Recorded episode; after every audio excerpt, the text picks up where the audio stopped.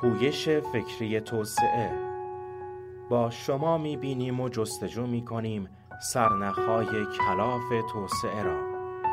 با رادیو توسعه باشید و بشنوید نشانهای بینشان توسعه را.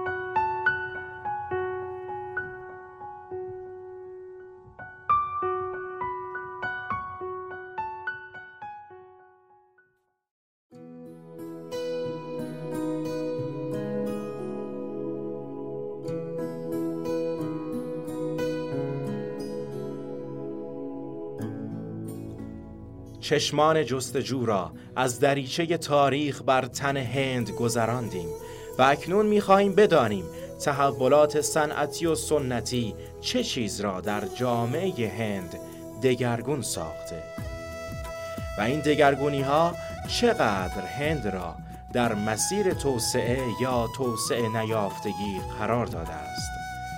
برای جستجوی پاسخ باید در اکنون زمان بایستیم و بنگریم که امروز در هند چه میگذرد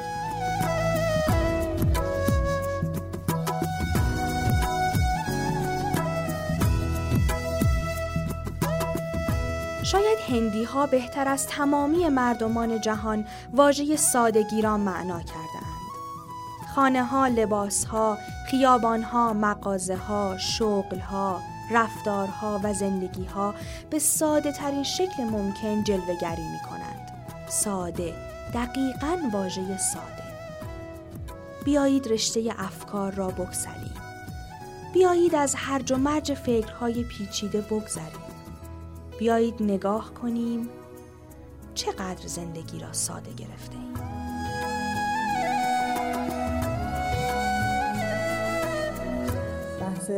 بحثی هستش که توی ایران خیلی ها میگن که هندی ها خیلی ساده زیستن ساده زیسته هندی ها یکی از چیزایی بودش که من اوایل که اینجا اومده بودم و داشتم بیشتر می‌دیدم اینجا رو خیلی برام عجیب بود. یعنی خب جاهای مختلفی می‌رفتم خونه های مختلف آدم های متفاوتی رو می‌دیدم. آدمایی که می‌دونستم اغلبشون به لحاظ اقتصادی طبقه متوسط بالا یا حتی بالای هند هستن. ولی وقتی که می‌رفتم خونه هاشون انقدر که همه چیز ساده بود واقعا تعجب می‌کردم. ببینید اینا یه در واقع تزی دارن که مثلا وقتی که ازدواج می‌کنن وسیله های خونشون و در واقع اون چیزی که می‌خرن برای خونشون مثل یه عضو خانوادهشون میمونه. یعنی تا وقتی که اون وسیله در واقع اون عمل کردش رو انجام بده با خودشون نگهش میدارن. اصلا احساس وفاداری می‌کنن به اون وسیله. برای همین من مثلا من می‌رفتم توی خونه های مختلف می‌دیدم که چقدر همه چیز قدیمیه. یعنی از وسایل خونه تلویزیون مبل کمد پرده همه چیز قدیمی یعنی معلوم بود که اینا ماله مثلا سی سال پیشه که اینا ازدواج کردن. و در این اینکه حالا خانواده مثلا متمولی هم هست خانم و آقا شغلای خوب دارن فلان. ولی اصلا این احساس نیازی که خب وسایل خونه رو عوض کنیم مثلا توی این نسل انگار نبوده. خیلی عجیب بود برای من. اینکه پس اینا با پولاشون چی کار می‌کنن؟ یعنی وقتی که انقدر همه چیز ساده است. خب اولویت هایی که من احساس کردم توی زندگی اینا هست خب یکی اول تحصیلات بچه هاشونه یعنی اصلا اون اول که ازدواج می‌کنن این مبنا رو می‌ذارن برای اینکه بعد مثلا پسنداز بکنن برای تحصیلات بچهشون. بعد ازدواج بچه ها میاد و بعد از اون من فکر می‌کنم توی اولویتشون سفرشون هندی ها خیلی سفر می‌کنن. این مثلا در مورد خونه هاشون هم همینطور هست. دیدید که مثلا در مورد ایران میگن جامعه کلنگی. اینکه یه ساختمان خیلی زود کلنگی میشه حالا فرسوده میشه یا هر چیزی و بازسازی میشه کوبیده میشه و از نو ساخته میشه. اینجا اصلا اینطور نیست. اینجا میگم هر ساختمانی هر چیزی تا وقتی که کار کرده هستش رو ایفا می‌کنه هست. خب برای همین خانه ها هم همینطور. یعنی خیلی قدیمیان و خیلی کم مثلا نمی‌دونم احساس نمی‌کنن که حالا نیازه که ما مثلا بیایم عوض کنیم خونه رو بازسازی کنیم این اصلا. جدیدترین تجربه که من داشتم این بود که خب من بعد برای کار ویزا و اینا می‌رفتم اداره ای که برای امور در واقع خارجی ها هست توی ایالتی که من هستم توی پای تخت اون ایالت شهر رانچی. شما تصور بکنید که یک شهری که پای تخت یک ایالت هست و اداره ای که مال خارجی هاست. یعنی فقط در واقع خارجی ها بودن که حالا رفت آمد داشتن به اون اداره. ولی باید اون اداره رو می‌دیدید. یعنی من هر دفعه که میرم فکر می‌کنم که اصلا همچین چیزی توی ایران وجود نداره. اصلا شبیه اداره نیست. یعنی یه ساختمان خیلی قدیمی و مثلا هیچ چیز درش عوض نشده. یعنی فکر کنم مثلا مال 70 80 سال پیش شاید حداقل این ساختمان دوران در واقع چیز استقلال هند. و بعد مثلا وسایلی که استفاده می‌کنن توی این اداره یعنی باور کنه مثلا فایلا رو توی ساده ترین شکل ممکن اینا بایگانی کرده یعنی توی پارچه پیش مونده بودن. بعد مثلا میز صندلی فوق العاده ساده. یعنی خیلی عجیب بود برای من که مثلا اگر حالا توی ایران بود یه اداره ای که حالا خارجی ها میرن میان فلان قطعا یه اداره خیلی شیک و پیکی می بود. ولی اینجا اصلا چیز نیست. یعنی رو درواسی هم ندارن با کسی. واقعا این هست. یعنی خیلی بیریان. هم, هم به لحاظ ساختاری تو سطح کلان و هم توی سطح بین فردی و خانوادگی آدم های بیریایی هستن تا حدود خیلی زیادی. در ادامه بحث ساده زیستی توی هند می‌خواستم یه موردی رو مطرح بکنم که اوایل برای خودم خیلی عجیب بود ولی بعد به نظرم خیلی خوب و جالب اومد. و اون بحث سادگی مطبای پزشکا هست اینجا. خب مثلا شهرهای مختلف مطبای دکترای خصوصی رفتم. و می‌بینم که چقدر یعنی اصلا هیچ شباهتی به مطب پزشکا توی ایران حداقل تو شهرهای بزرگی که ما زندگی کردیم نداره. یعنی انقدر ساده است انقدر ساختمان اصلا شبیه مطب نیست با اون ذهنیتی که ما از مطب داریم. و این حتی اوایل باعث می شد که مثلا من فکر کنم که مثلا اینجا دیگه کجاست این چه دکتریه حتی مثلا یه جورایی اعتمادم سلب بشه از اون پزشکه. و ولی خب بعد متوجه شدم که نه پزشکی خیلی هم پزشک خوبیه و کارشو به خوبی انجام میده. یه مثلا محوطه خیلی تنگ و تاریک و اینا بعد مثلا اتاقای کوچولو کوچولو مثلا اون ته بعد توی هر کدومش مثل یه پستو بود یه دکتر نشسته بود و خیلی خنده دار بود برامون. ولی خب اون دکتر کارشو به خوبی انجام داد و جالب بود بعد که ما رفتیم داروها رو تهیه بکنیم همون پزشک سوار موتور شد و رفت و خیلی خندیدیم ما. چون که توی تصورمون این نیست که مثلا یه پزشک سوار موتور بشه بره. ولی خب بعد که کارشون انجام میدن خیلی آدم احساس رضایت می‌کنه واقعا. کارشون رو با مهارت خوبی انجام میدن و همطور که می‌دونید به لحاظ پزشکی هند در واقع خدمات پزشکیش خیلی خوب هست.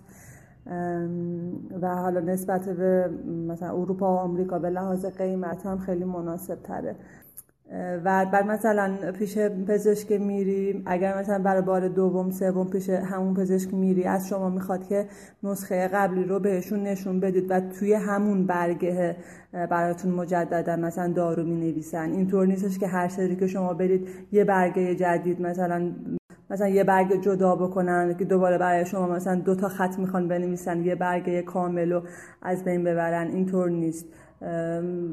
همون برگ قبلی رو از شما می‌گیرن و توی همون یعنی هر چقدر تا جایی که جا داشته باشه و شما اون دکتر رو ملاقات بکنین توی همون نسخه برای شما تاریخ می‌زنن می نویسن پشت برگ می نویسن یعنی تا جایی که میشه از اون یه دونه برگه استفاده می‌کنن که به نظرم خیلی فرهنگ قشنگ و خوبی هست. یه نکته هم دوست دارم اضافه بکنم اونم اینکه من وقتی که همه این چیزها رو کنار هم می‌گذارم و بهشون نگاه می‌کنم احساس و با ایران مقایسه می‌کنم احساس می‌کنم که هند شاید به لحاظ ظاهری واقعا جای توسعه یافته این نیست. شما کافیه که بیان و نگاه بکنید. دیگه دور براتون و ساختمان ها رو آدم ها رو لباس پوشیدن ها رو مغازه ها رو. ولی در مقابل ایران مثلا نگاه بکنید مثلا من کسایی که اومدن ایران اینجا به من میگن که خیلی شیک و پیکه مثلا خونه ها خیابونا آدم ها چقدر شیک و پیکن توی خیابون. خب توی هند اینجوری نیست.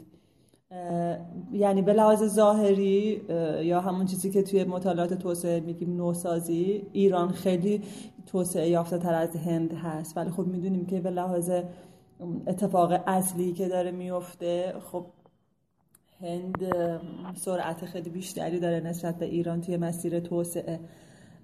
و یه وقتی که خیلی مثلا عصبانی میشم از این همه چیه این همه اینکه زیر ساخت ها واقعا مثلا جاده ها خیلی مثلا وضعیت خوبی ندارن بعضی موقع ها یا مثلا چیز یه سری چیزای اینجوری بعد مثلا به خودم فکر می‌کنم که توی همین مثلا جاده های خراب توی همین اداره به همین سادگی واقعا داره اتفاقات خیلی مهمی میفته یعنی دارن کارشون رو به خوبی انجام میدن و آدم های سالمی هستن و هیچ اتفاق بدی هم نمیفته و شاید برای کسایی که یه ذره ظاهر بین باشن اینجا خیلی جای غیر مطلوبی باشه. ولی میگم من همیشه به نظرم این تضاده هست. یعنی ایران بیشتر سمت نوسازی رفته و هند داره به سمت مدرنیته یا توسعه پیش میره. یعنی این دوگانه برای من هست. یا مثلا وقتی که وقتی مثلا حالا میرم یه جاهایی می‌بینم که مثلا وسایل خونشون چقدر ساده است ولی با همون وسایل ساده چه غذایی خوشمزه درست می‌کنن. و یه جورایی برای من نماده همون ساختمان های قدیمیه که توش کارهای مهم انجام میشه. یعنی توی اینکه این ساختمان ها یا این وسایل آشپزخونه واقعا ظرفن ولی محتوا چیز دیگه یه که آدم واقعا سپرایز می‌کنه.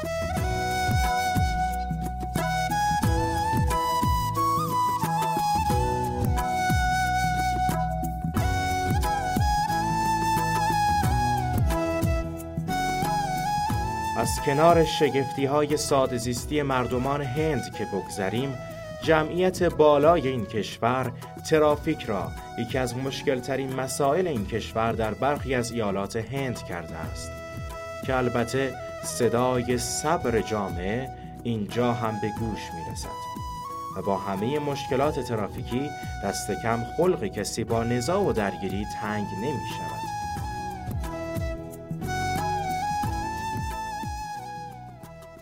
بازم سلام.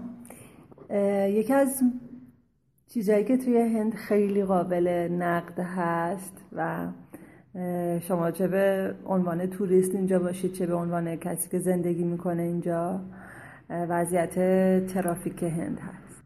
بخشی از مشکلات ترافیکی قاعدتا به خاطر در واقع زیر ساخت هاست که همون جاده ها و خیابون ها هستند خب در واقع ساخت جاده و اینها وظیفه دولت هست و خب دولت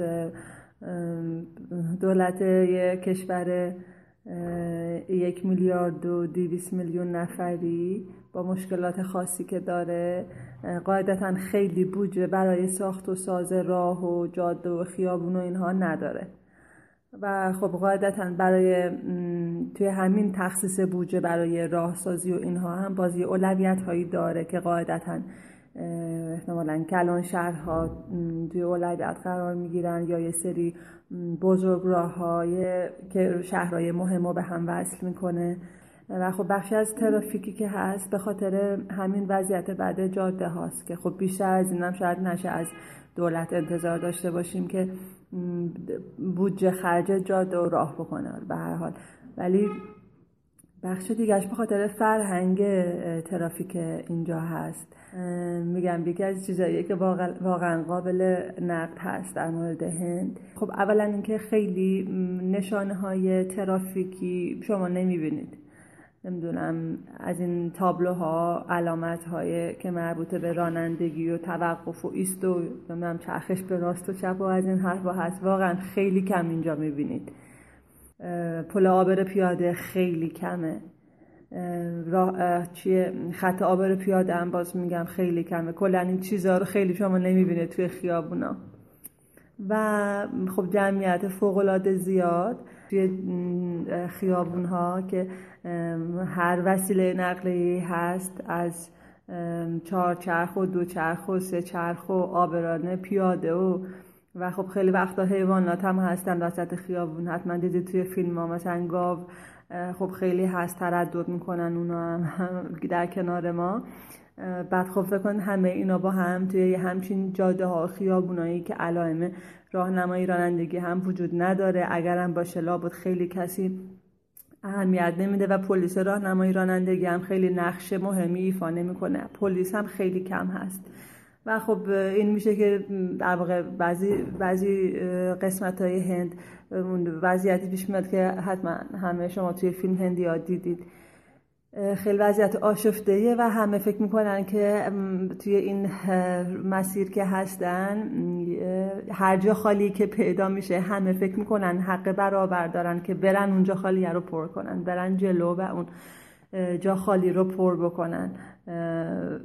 و خیلی وضع موقع به خصوص توی شهرهایی که ترافیک زیاد باشه واقعا سخته البته شهرهای بزرگتر شهرهای توسعه یافته تر مثل شهرهای جنوبی هند خب خیلی متفاوته. یعنی خب قشر زیاده از مردم تحصیل کرده هستن و خب این مشکلات کمتره. ولی خب توی سه شهر واقعا هست این مشکلات. ولی چیزی که برام جالبه اینه که توی این اوضاع خیلی کم پیش میاد که مثلا دو تا راننده با هم دیگه درگیر بشن.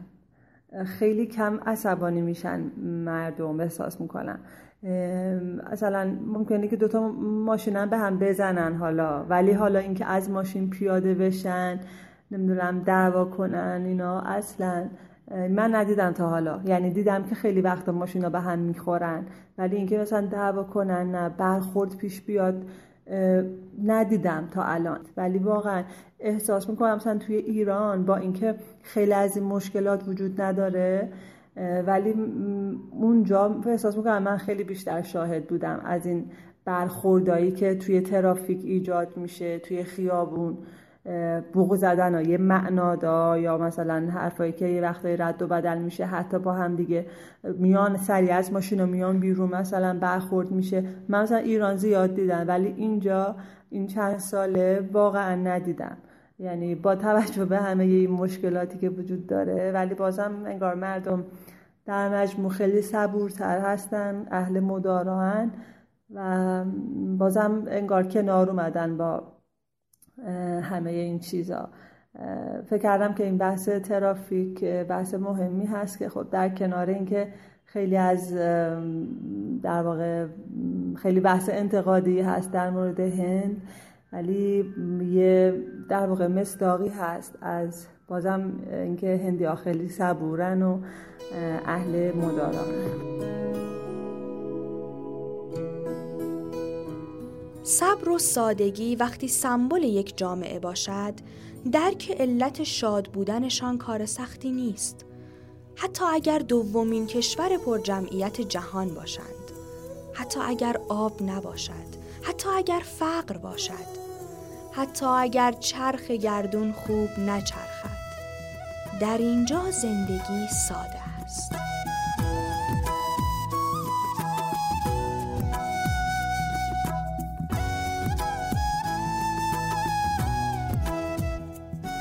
تهیه کننده پویش فکری توسعه. صدا پیشگان مهدخت چرخشت مجتبا مرتزوی نویسنده مهدخت چرخشت مهمان برنامه دکتر اله شعبانی رادیو توسعه از دریافت دیدگاه های توسعه شما از سفرهایتان استقبال می کند.